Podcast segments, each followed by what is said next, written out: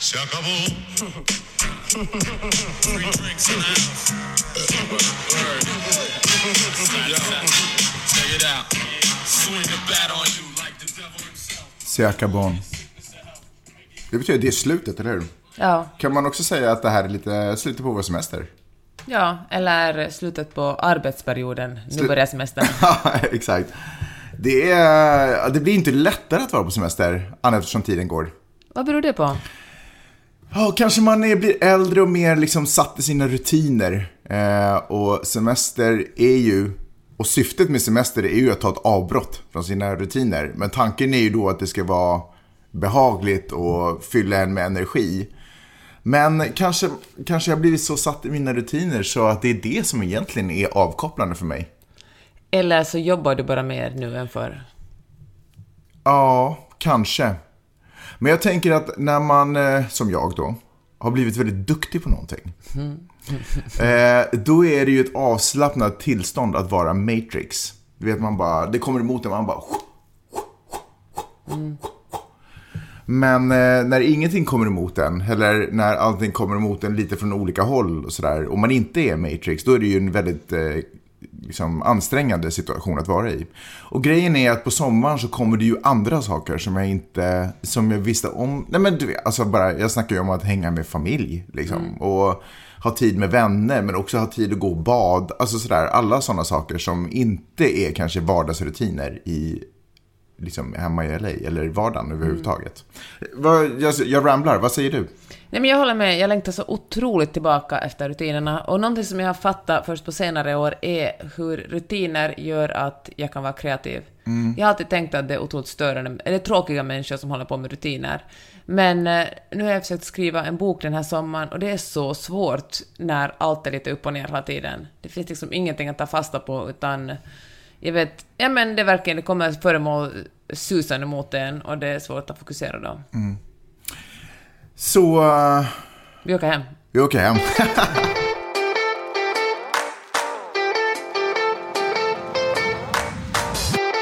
Du lyssnar på Magnus och Peppes podcast.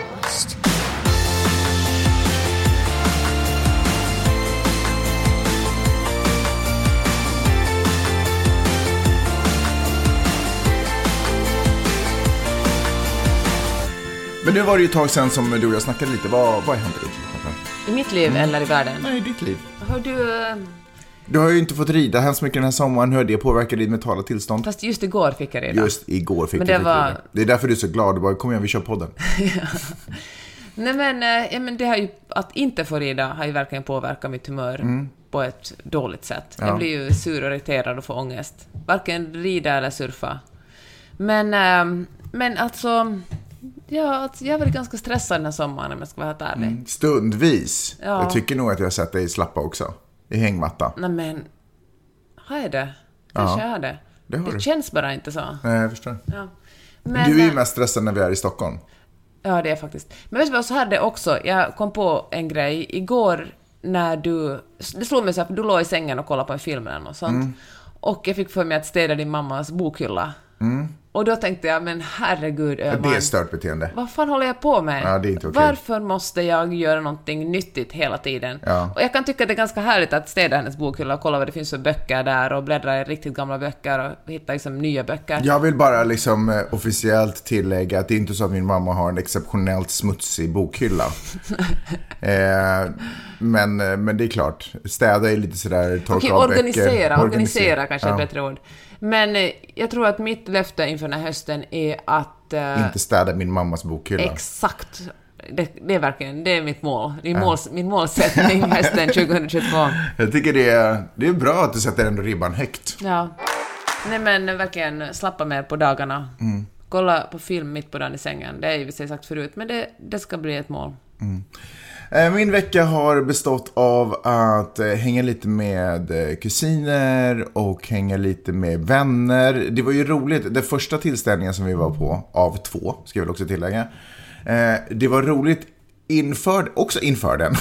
Därför att vi kommer direkt ifrån en period där man bara har varit med barn, familj, alltså mammor och pappor och i och för sig någon, någon släktingar också. Så. dina syrror bland annat. Sådär. Men inte liksom folk i sin egen ålder. Typ. Så det var, jag hade, det var ju så här, jag kände hur det liksom pirrade lite i kroppen när man satt i bilen på väg ut dit. Att det här, det här ska bli spännande, gud vad ska man prata Hade nästan lite förberett samtalsämnen. Alltså jag På små kort i fickan. Ja, jag såg verkligen jättemycket fram emot det. Och det levererade det, så det var ju Att roligt. umgås med jämnåriga. Ja, Eh, och sen så dagen efter så var jag ute och härjade igen. Och sen, eh, men nu, och nu kickar ju åldern in. Alltså man känner ju att det är svårt att eh, göra två, två nätter på raken. Men gud, när vanliga människor går ut sent kommer Mm. de hem två, tre, som jag. Och jag bara, du kom hem klockan sex på morgonen. Ja. ska man gå, ska man gå. Både din Så mamma och jag låg vakna halva natten och var, liksom oroliga för dig. Var det, gjorde ni det? Ja. På riktigt? Ja, Nej, vi skojar talar du? mycket om det ja, men sen. Jag trodde till och med att jag hade kommit hem. Hon bara, det är väl ingen människa som är ute så här sent. Känner hon dig? Nej, inte, inte den sidan kanske. Hör du, eh, men det har också hänt saker i världen, inte bara i våra liv. Är du med? Det har ju hänt mycket inom amerikansk politik, jag tycker vi börjar där. Mm. Först och främst brukar jag alltid klaga på hur dåliga Demokraterna är. Just det. Alltså, det är ju ett parti som på något sätt ligger närmare min politiska ideologi, trots att om de var ett parti i Sverige eller Finland skulle jag aldrig rösta på dem. Nej. Och, men i USA är de ju närmare mig, medan Republikanerna ofta känns spritt språngande galna med sina abortförbud och vapenlagar, eller icke-existerande vapenlagar. Jag tror ju att amerikansk politik skulle ha mycket att vinna på att eh, Demokraterna delades upp i åtminstone två partier och Republikanerna i eh, två partier. Verkligen. Det var väldigt svårt att etablera nya partier eftersom det partier som delar upp sig alltid förlorar då. Så är det ju förstås. Hur som helst, då har ju Demokraterna världens bästa chans. Vänta, förlåt, förlåt att jag avbryter. Men skulle man inte kunna tänka sig att det går genom någon form av monopollag? Du vet att de måste, båda partierna måste vid Ja. samma datum delas upp i två partier. Ja, det är en bra idé. Tack. Jag ska, Tycker du ska föreslå det? jag, ska, men jag väntar tills Miley blir president och sen så driver vi igenom det då. Ja, bra. Hur som helst så eh, har Demokraterna verkligen en chans, till exempel med den här uh, Roe v. Wade, alltså abortlagstiftningen. Nu bara kör hårt och satsa på att tala om en kvinnas rätt att bestämma över sin egen kropp. Lite medvind har de ju nu. De har faktiskt lite medvind och det var inte, jag bjöd att spela in den här podden i flera veckor och just nu, och jag tänkte kritisera Demokraterna för det här, men nu börjar de faktiskt kravla upp sig lite. Du säger ibland är, det bra, ibland är det bra att man väntar lite med inspelningar så att man liksom hinner landa i vad som egentligen händer. Ja, för Demokraterna brukar vara så mesiga och ängsliga och så rädda för att förlora mittenväljare. Ja. Men nu när, demokra- när Republikanerna håller på att förbjuda böcker, till exempel förbjuda vad man håller på får tala om i skolor, de håller på med det här Don't say gay i Florida, och eh, transpersoner får knappt existera, ha, och för då inte att tala om abort, har ju Demokraterna världens chans att säga vi står för frihet. Någonting som Republikanerna lite hade brandat sig som, att vi är det frihetspartiet. När Nu har de- de chansen att rycka det, om de är lite snabba och effektiva och flinka i fingrarna. Och eh, det tycker jag att de håller lite på, eller liksom det finns små tecken på att de börjar göra det. Till exempel, istället för att säga pro-choice, är de emot eh, forced labor. Det tycker jag är ganska intressant. De säger så här, republikanerna vill tvinga Vänta, folk... pro-choice forced label. Du måste utveckla, jag fattar det inte riktigt. Pro-choice handlar ju om att du ska få bestämma hur du vill göra med din egen kropp. Ja. Men nu håller de på att snacka om, eller en del åtminstone Demokraterna håller på att snacka om forced labor, alltså att eh, föda barn med våld, så att säga. Vänta, de blir där. Det var first forced birth. Mm, sure. det? Ja. Ja, just det, det är inte du som klipper den här podden. Okej. Egis, förlåt, det heter forced birth. Okej, så Demokraterna håller på att flytta sig från att tala om pro-choice, som alltså betyder att eh, man får välja om man vill ha barn eller inte om man är gravid, till forced birth, vilket innebär att eh, det som det Republikanerna vill med sitt abortförbud är att tvinga folk att föda barn. Och eh, det är ju också ett sätt, om man är emot någonting som är forced, står man ju för frihet. Och det är ju ett supersnyggt sätt av Demokraterna att profilera sig som ett parti som tycker att man ska bestämma över sig själv. Det som de också håller på att... Kan- Alltså, du har är du på väg till vad som hände i Kansas?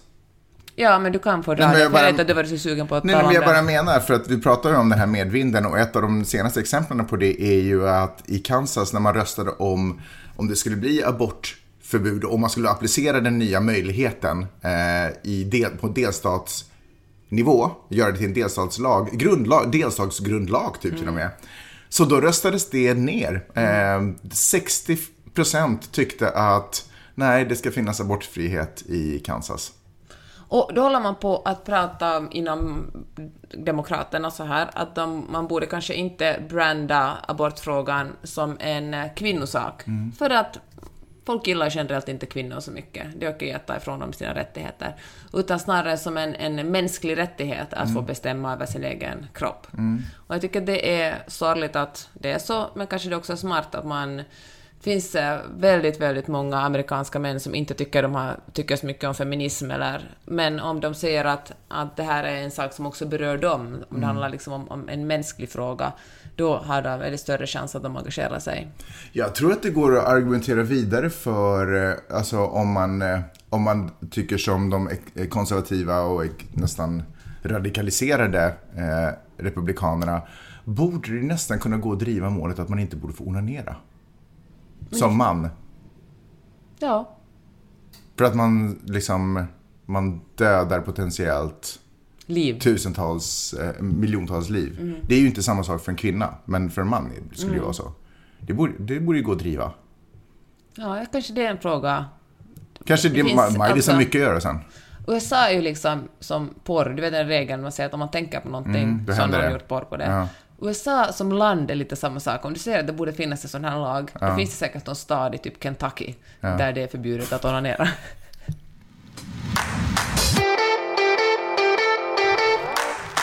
En annan jättestor positiv sak som har hänt i USA, och kanske lite Demokraterna eftersom det ändå är Joe Biden som forcerar igenom den och eh, då och den, också de, de demokratiska senatorerna alla röstar för det, var den stora klimatlagen. Där har ju Kirsten Sinema och eh, Joe Manchin stått emot tidigare. Du kommer ihåg tidigare i år när Joe Biden försökte dra igenom sin in, infrastrukturlag, sitt infrastrukturlagförslag, gud vilket svårt ord. Man märker att eh, du har velat göra podden i några veckor. Vadå? Du bara trycker ut information. Det är Joe Maggio, det är, jag, har inte ens an, jag vet inte ens vad det är för, vad är det för naturlag, eller på att säga, som har röstats igenom. Eller som, För Joe Manchin är den här eh, demokraten från eh, West Virginia Ja. som eh, egentligen är en republikan in disguise. Jaha. Alltså det är han som tycker att, eh, han jobbar, han liksom, hans väljare kommer från så här industri, Mm. de är industriarbetare och han äger själv jättemycket så här fossila bränsle vad man nu, fabriker. Mm. Och han har satt sig på tvären varje gång när det ska röstas igenom något som är lite mer demokratiskt.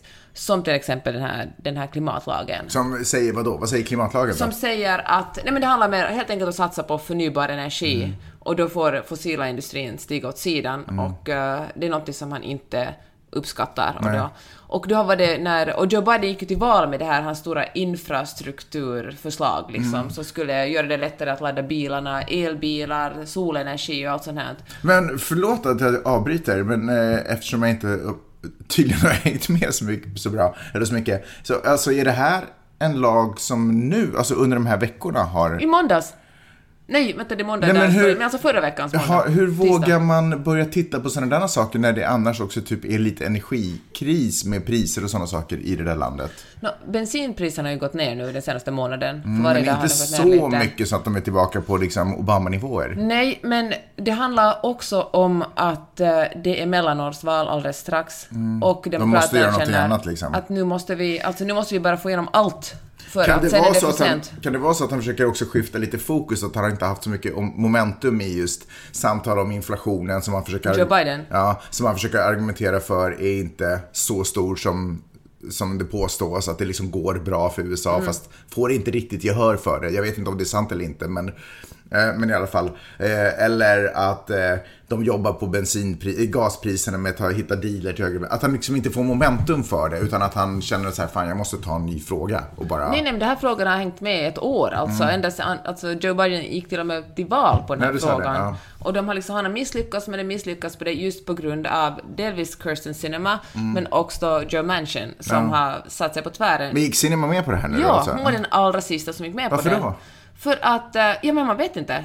Och det här blir ju 50-50 i senaten, men då steg Kamala Harris in och blev den 50 Mm. Och gjorde nytta, rösten. kan man säga. Verkligen, äntligen. Ja.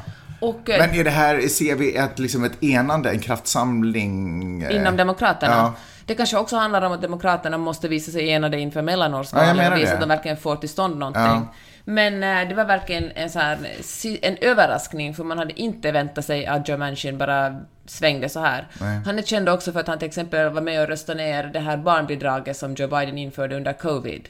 Och då försökte man göra en förlängning på det eftersom det tog liksom miljontals barn ur fattigdom. Mm. Men då tyckte Joe Manchin att statens pengar inte ska gå till sånt. Nej. Men eh, plötsligt visade det sig att han gick med på det här, vilket ju är otroligt positivt.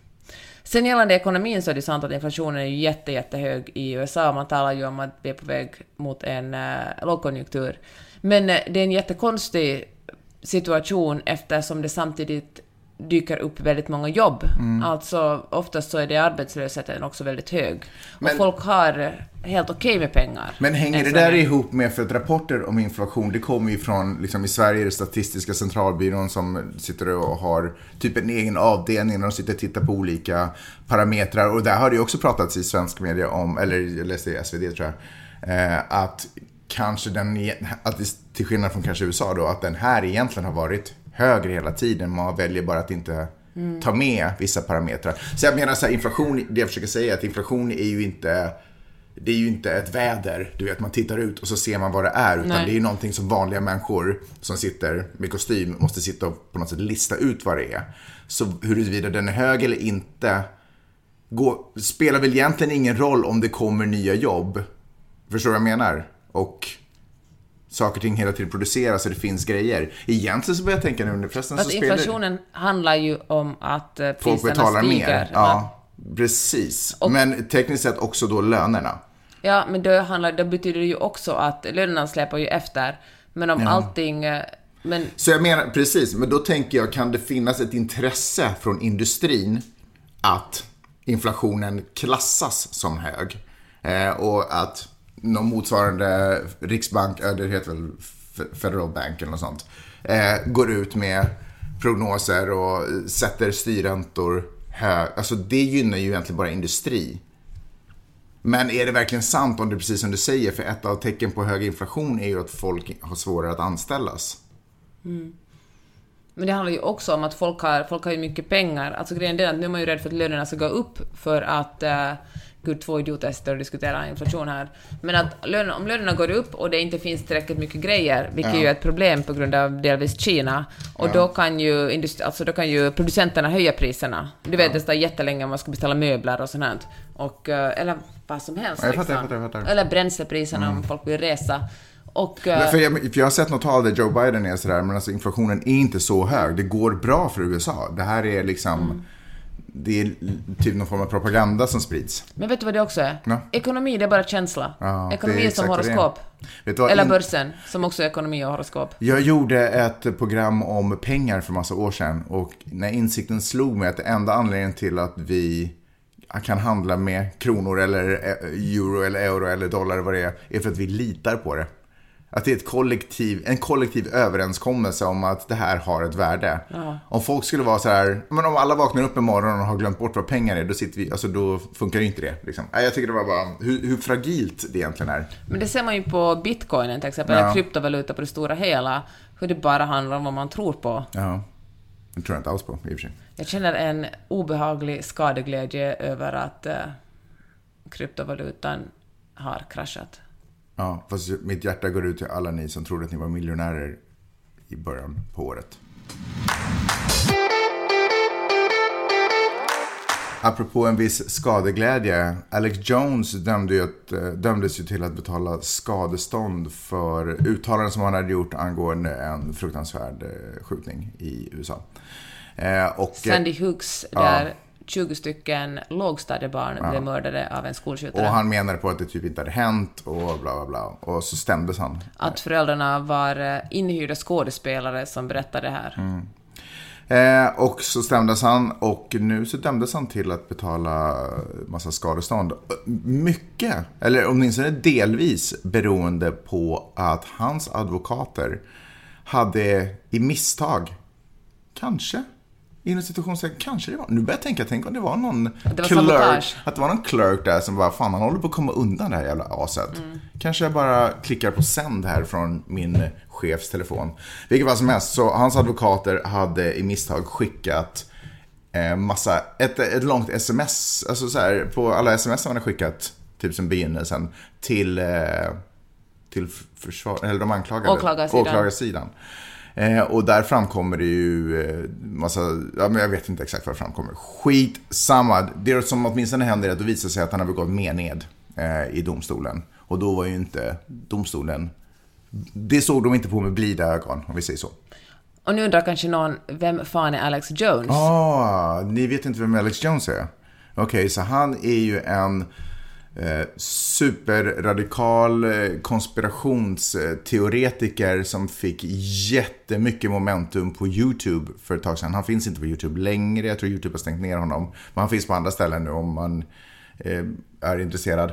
Eh, som egentligen bara spyr ut eh, galla och eh, vidrigheter och konspirationsteorier. Och, och som sagt fick jättemycket uppmärksamhet för det. Och sen varenda gång han konfronteras så, välja, så säger han att nej, nej, men det är bara en karaktär jag spelar och bla bla bla. Och han, han eh, livnär ju sig också på att sälja liksom Kosttillskott. ja, men humbug, kosttillskott, typ så här skallerormsblod, den nivån liksom.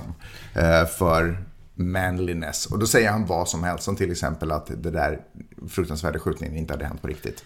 Och det att han har spridit den så aktivt, den här eh, att, Sandy Hooks började vara en konspirationsteori, har lett till att folk som följer honom har trakasserat föräldrarna som förlorar sina barn.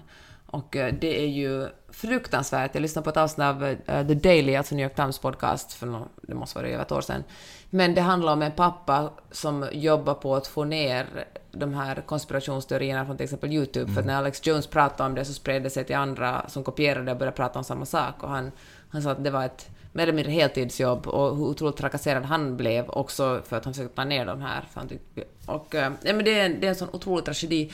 Och det är så fruktansvärt att tänka att välja att sko sig på en sån här sak. Att Alex Jones, den här högerprofilen, valde att tjäna pengar på något, det värsta som kan hända människor alltså. Jag menar, alltså det skulle vara, varför inte välja att övertyga folk om någon slags eh, Vet du, att, det, att politiker är ödlor under, som bara har klätt ut sig till människor, eller någonting annat. Välj vad som helst annat om du verkligen måste sprida konspirationsteorier. Men det är ju det mest fruktansvärda en människa kan drabbas av, att förlora sitt barn.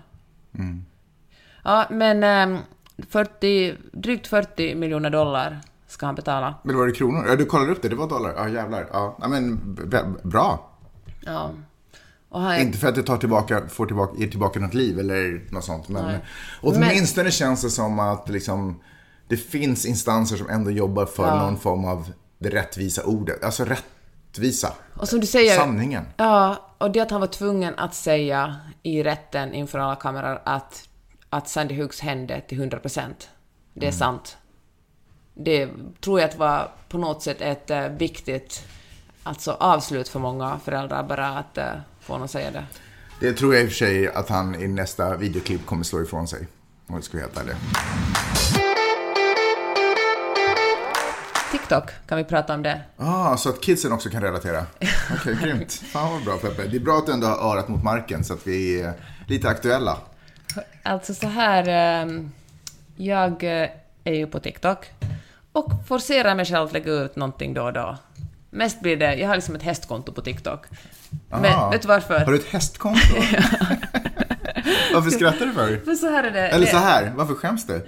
Nej, men när jag lägger ut hästar, som jag ju älskar, på mitt vanliga Instagramkonto. Ska, får jag bara vara lite tydligare? Men gud, så du alltid Nej, men för jag, har, jag, har inte så mycket, mig. jag har inte så mycket innehåll, så jag har lite humor. Okej? Mm, okej. Så när du lägger ut, säger du, eller när du hänger ut hästar Ja, på TikTok. okej.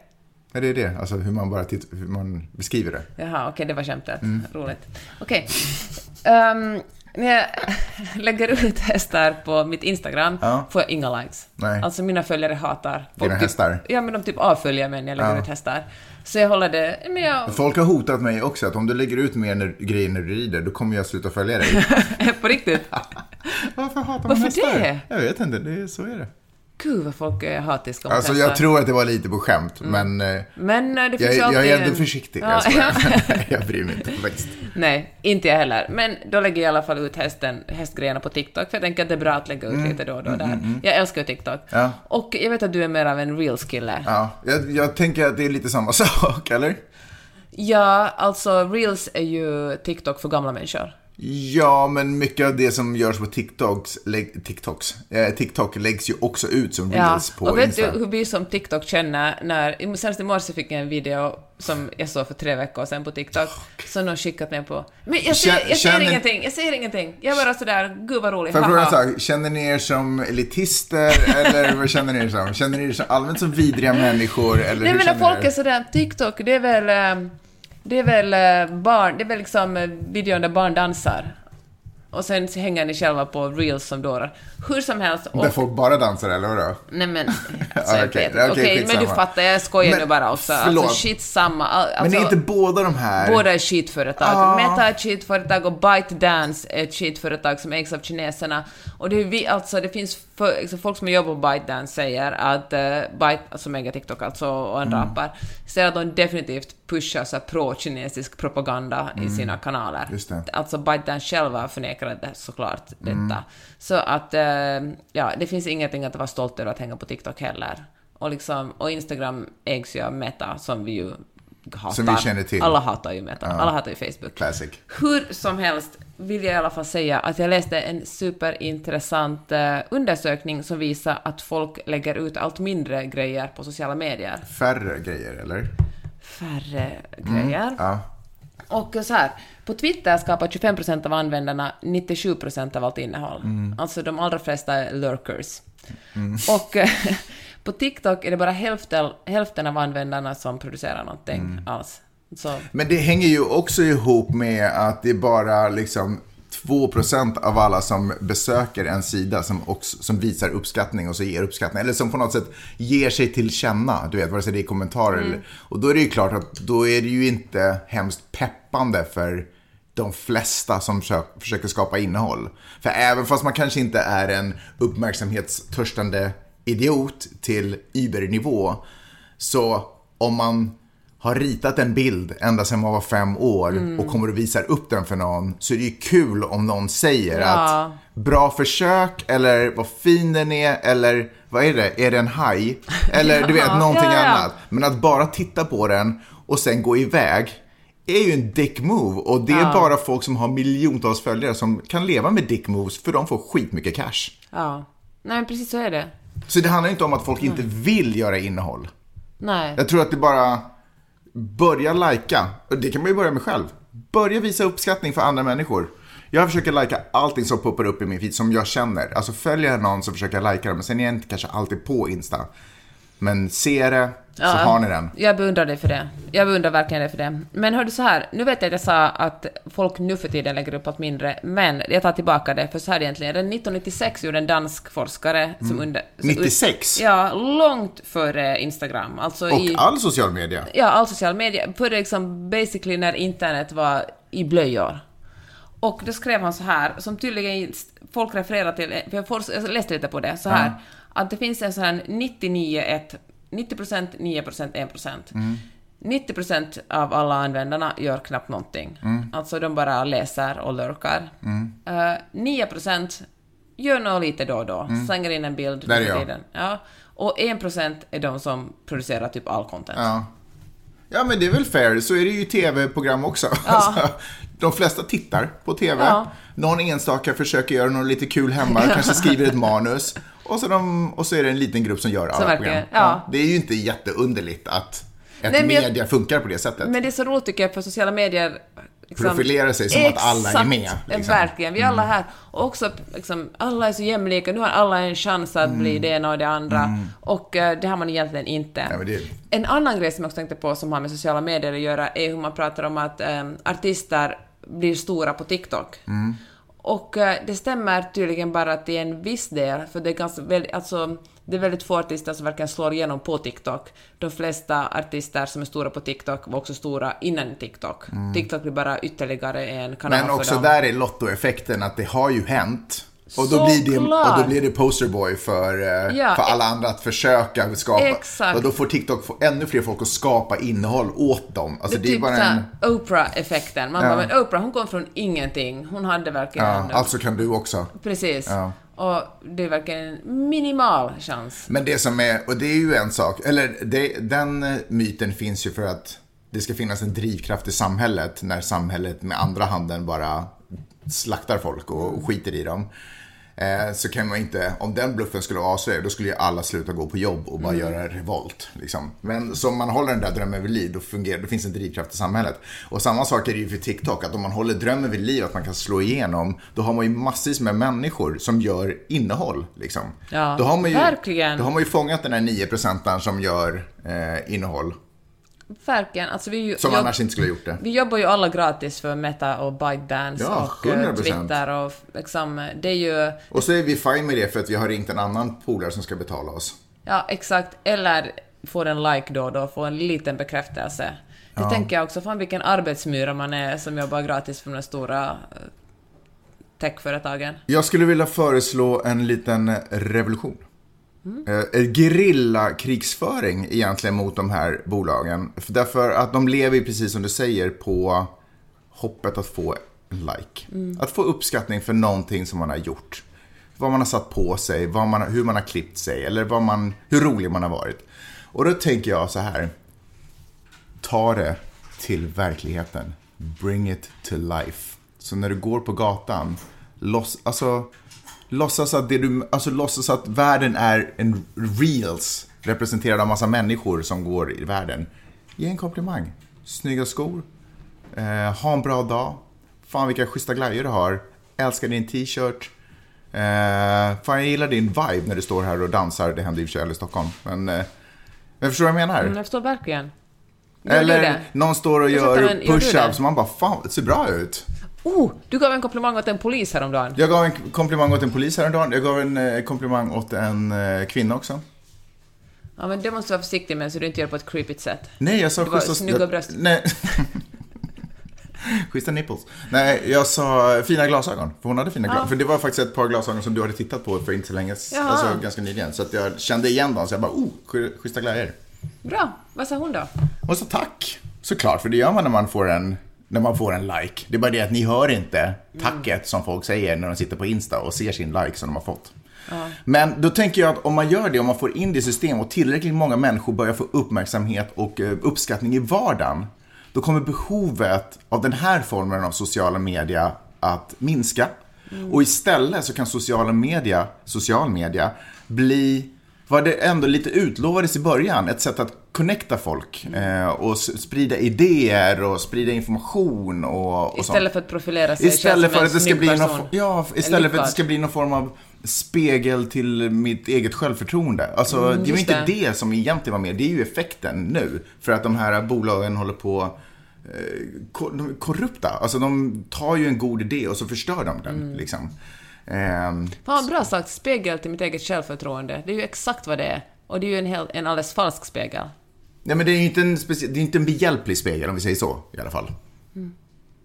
Okej, vi tar ut komplimangerna i vardagen. Ja, vi ger dem och vi tar emot dem. Vi säger tack när vi får den och så betalar vi tillbaka genom att tre, ge tre själva. Varje dag. Okej, Alltså har man en dålig dag så är man, om man är förkyld så behöver man inte. Men Okej. annars. det är det enda Ja. undantaget. Mm. Men man måste börja med en. Olenka Zelenska, heter hon så? Zelenskis hustru. Volodymyr Zelensky, Ukrainas president. Jo, jo, jo, jo, jo. Ja, men du, ser, du ser på mig, jag, nu för tiden Nej, vet jag jag ju inte fastnar i- om jag- det är någonting du... Alltså, Om jag inte förstår vad du säger Ja. eller om jag bara är distraherad av att Ja. ha någonting mellan tänderna. Okej. Men eh, jag tror att hon heter Olenka. Hon gjorde en fotoshoot för Vogue. Mm. Och har blivit extremt kritiserad för det. Mm-hmm. Kallad, det sades att hon romantiserar krig. Mm-hmm. Och att, det, att sko sig liksom på... Ja, att hon på sätt skor sig på kriget och eh, gör någonting väldigt... Någonting vidrigt försöker hon liksom göra snyggt. Ja. Är, det, är det rimligt att tänka att det var liksom motivationen? Alltså jag kan inte... Det är väldigt många ma- smarta människor som har sagt det här. Eller folk som jag respekterar mycket Men får jag säga, jag måste bara avbryta det där. För att det där- Såklart, för, så det, jobbar vi den här podden. För det är ju så lätt att misstro andra människor. Men jag undrar om någon av de här smarta människorna är i krig själva. Kan bedöma vad det är för eh, impulser och vad det är för argumentation som får en att göra det man behöver göra. Alltså hon lever ju i, hennes land är ju i krig. Så sen kan man sitta och vara smart någonstans i Washington DC och ha en liten åsikt och ha kanske en Jacques Cousteau-mössa och sitta och analysera om det är liksom rimligt eller vettigt att hon ska göra det. Hon gör vad hon behöver göra. Fucking punkt slut. Men vet du vad, det tänkte jag faktiskt också. Och så här, folk börjar ju tröttna på att donera pengar till Ukraina nu. Man Folks pengar kanske är slut. Ja, men är, kanske det också är så, men alltså det är inte samma driv längre. Nej. Och jag tänker att, eh, jag tror verkligen det här var en, en del av en PR-kampanj. Och om det är någonting som Ukraina har gjort Mm. med uh, Volodymyr Zelensky i spetsen, är att fört ett väldigt bra PR-krig. Mm. Och jag fattar att det låter äckligt när det handlar om krig, att han har PR. Men vet du vad som också är äckligt?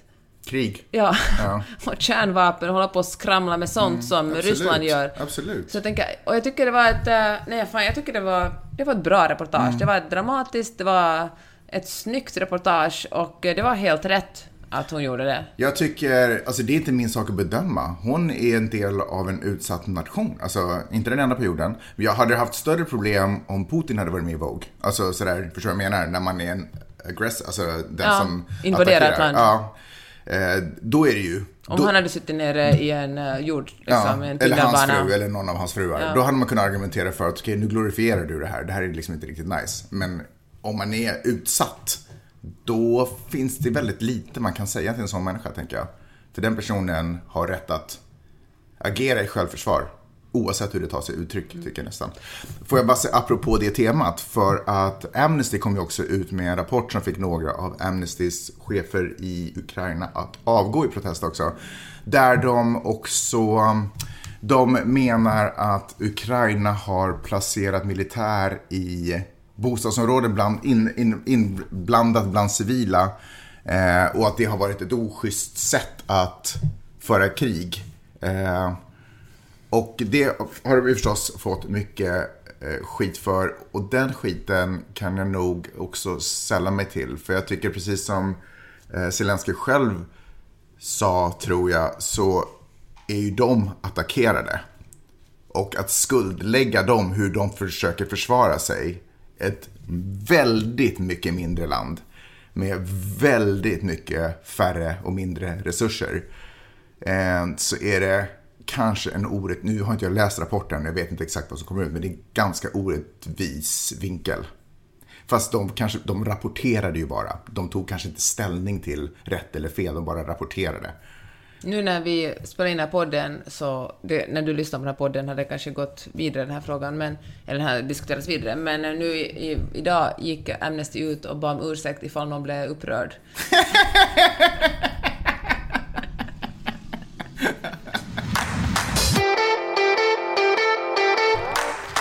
I USA råder det brist på lärare. Jaha. Eller så här, det finns jättemånga lärare, men jättemånga lärare som inte vill jobba som lärare. Eftersom eh, på många håll är de rädda för att... eh, de blir trakasserade. För att eh, så här, föräldraföreningar har blivit jättestarka, och speciellt inom republikanska, eller i republikanska städer och, och delstater till och med, skulle, skulle man kunna säga, så pratar man om, eh, använder man frihet som föräldrarnas eh, rätt att bestämma vad som lärs ut i skolorna. Och eh, i grund och botten handlar det om att underminera, underminera en lärares kompetens. Man säger att föräldrarna vet alltid bäst, oberoende om det handlar om historia eller jämlikhet eller matematik eller vad som helst. Fattar. Så det är jobbigt att vara lärare. Och eh, det är ju ett jättestort problem eftersom... Det eh, kommer jag ihåg att folk i Sverige har klagat på också. Eller lärare i Sverige har klagat på också. Obviously en helt annan nivå. Men ändå. Ja, men det... Att, att, van, att personer utan kompetens går och blandar sig i människor med kompetens eh, när de ska försöka göra sitt jobb. Precis. Nej, men exakt det. Och ett väldigt tydligt exempel, något som vi har talat om i den här podden tidigare, till exempel Ron DeSantis som är guvernör i Florida, han har haft den här Don't Say Gay-lagen, som är skrivet ganska luddigt med avsikt. Alltså det handlar om att man inte ska lära ut någonting om eh, sexualitet eller att, i eh, de första lågstadieklasserna. Och den är skriven så luddig också för att lärare ska censurera sig själva. För att man ska vara lite rädd för, kan jag säga det här eller kan jag kanske inte säga det här? Och då är det säkrast att inte säga någonting. Och det är så jobbigt och frustrerande att eh, lärare väljer att jobba med någonting annat. Ja. Lönerna är väl inte toppenbra. Hur som helst, om man är lite konspiratorisk, vilket man ibland får vara, om man säger att det här är en konspiration kanske. Men då tänker man, till exempel jag, så här att eh, om man inte är så intresserad av demokrati och om man är mer intresserad av att bara få folk... Om man är populist så kanske det är ens intresse att folk inte är så jättevälutbildade. Eller att för folk är liksom fakta någonting väldigt subjektivt och det, fakta och känslor är ungefär samma sak. Och då gynnar det en att barn inte får en utbildning. Absolut. I Texas till exempel har man talat om lagförslag där eh, barn som inte är dokumenterade inte ska få gå i skola. Det får man ju nu. Alltså skolor har, åtminstone i Kalifornien, ingen rätt att fråga vad man är på för visa-status eller inte. Alla ska få en utbildning.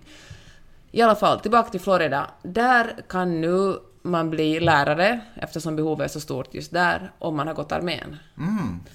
Det räcker att man har liksom gjort militärtjänstgöring. Ja, fast de har ju inte militärtjänstgöring, men jag förstår vad du menar. Om man, har, om man har varit anställd av armén helt Ja, enkelt. okej, men anställda av armén. Ja, därför- då var inte lumpen där liksom. Nej, men det var inte heller det jag menade. Nej, nej, nej. Jag trodde man sa det så. ja, okej. Ja, Jag vet inte. Och, eh, och då får man liksom följa med ungefär en, en jag vet inte hur länge, eller några veckor, så man följer med en annan lärare, ser så här funkar läraryrket och sen Mm. Just är det bara att stiga in i klassrummet. Men också, Om man är gift med någon. och som- den är, den är ju sjukt varit- logisk. Verkligen. Alltså om man är make eller fru till någon Mm. som varit anställd av armén, Eller så veteran liksom. Ja. då kan man bli lärare. Mm.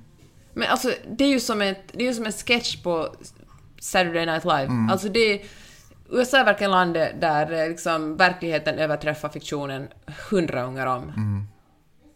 Alltså, jag är så upprörd av det här. Du verkar helt lugn. Nej, men ja, dels för att jag hade hört om det här redan förut så att eh, jag har gått igenom den här krisen redan. Men, eh, alltså, men ingenting heller för, förvånar mig liksom, med det där landet och alla vinklar av dumhet de lyckas eh, hitta och hur de jobbar så jäkla hårt på att typ upphöra att existera.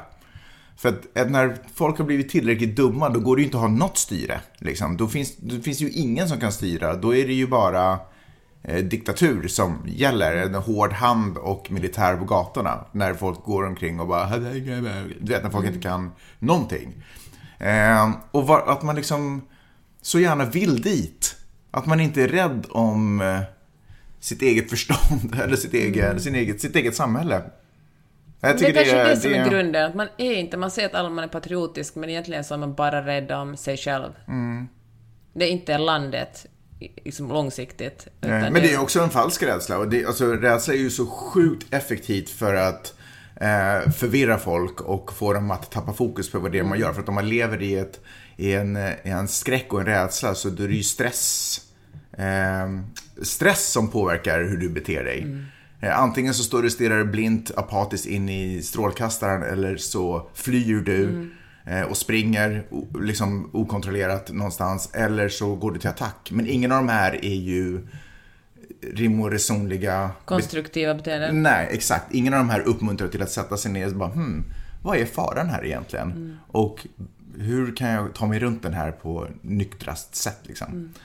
Så det är ju fantastiskt och det är också, det sliter ju på människor också. Så då blir man ju sjuk av det. Eh, och det är ju perfekt i ett land som inte alls tar hand om sjuka människor. Usch vad deppigt. Nu måste vi sluta med något roligare. Ja, det roliga är att Vi ska åka tillbaka dit om en vecka. Nej men, ja, exakt. Nej men det absurda med det där landet är ju att lika, verk, lika, lika mycket som det är så otroligt verkligt, allt det som vi har pratat om, så är det också i delar av landet så otroligt overkligt. Det bara existerar inte liksom där. Men det är ju en, eh, det är ju en kontinent mer än det är en, ett land. Där finns ju de smartaste och roligaste människorna samtidigt som de dummaste och uh, suraste människorna. Precis, så man kan sitta och förfasa sig över vad som händer i Florida, men i praktiken är det ju samma sak som att sitta och förfasa sig i Sverige och vad som händer i Italien. Det, är, det är ganska stort avstånd. Både kulturellt och Ja. eh, rent politiskt. Ja. Skillnaden är ju tydlig förstås när det finns saker som Supreme Court som fattar beslut som kan påverka förstås alla medborgare i landet. Men på det stora hela så är det ju saker som händer ganska långt borta. Och trots allt har sagt så finns det ju en liten ljusglimt. Ja. Och det är hajarna i vattnet. Vi hörs nästa vecka. Hej då!